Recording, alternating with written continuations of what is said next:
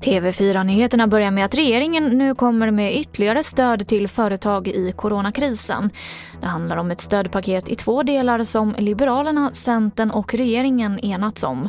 Och det blir framförallt lättare för små företag som idag inte har rätt till stöd.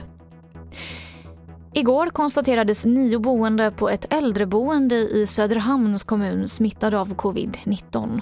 Och därför ska nu all personal och samtliga boende testas. Det handlar om totalt 68 boende och ungefär 60 personer i personalen som ska testas. Och detta oavsett om de uppvisar symptom eller inte. Och jag avslutar med att de svenska facken förbereder sig för att ta strid om kollektivavtal med e-handelsjätten Amazon. Och detta för att skydda svenska anställda från de kritiserade arbetsvillkor på företagets lager som det har rapporterats om i andra länder. Det här är, det är större och det är allvarligare än vad ni tror.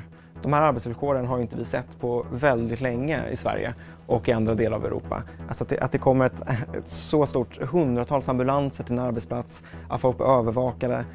Det sa John Linde som är politisk samordnare på Handels. Och det var det senaste från TV4 Nyheterna. Jag heter Emily Olsson.